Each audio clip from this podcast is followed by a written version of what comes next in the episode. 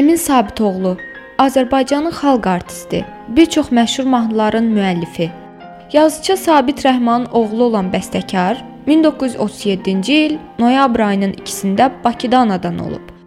Mən ki doymamışdım heç vüsalından Musiqi məktəbindən sonra 1954-cü ildə konservatoriyaya daxil olub və Qara Qarayevin sinfində oxuyub.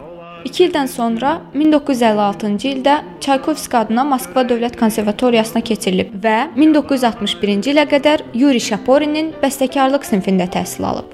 Görüşdük, nə çətin, ayrıldıq, ayrıldıq, nə asan. 1961-ci ildə Azərbaycan Film Kino Studiyasında musiqi redaktoru vəzifəsində çalışıb. Sonrakı illərdə Dövlət Filarmoniyasında bədii rəhbər, Üzeyir Hacıbəyov adına Dövlət Konservatoriyasında, indiki Bakı Musiqi Akademiyasında müəllim işləyib. Musiqinin müxtəlif janrlarında bir çox əsərlərin müəllifi olan Emin Sabitoğlu 1 simfoniya, 3 simfonik poema, 3 kantata, simli kvartet, skripka və fortepiano üçün poema yazıb. Lakin bir neçə musiqi janrı onun yaradıcılığının əsasını, müəyyən edici hissəsini təşkil edib. O 600-dən artıq mahnı, 9 musiqili komediya, 40-a yaxın filmə musiqi bəstələyib.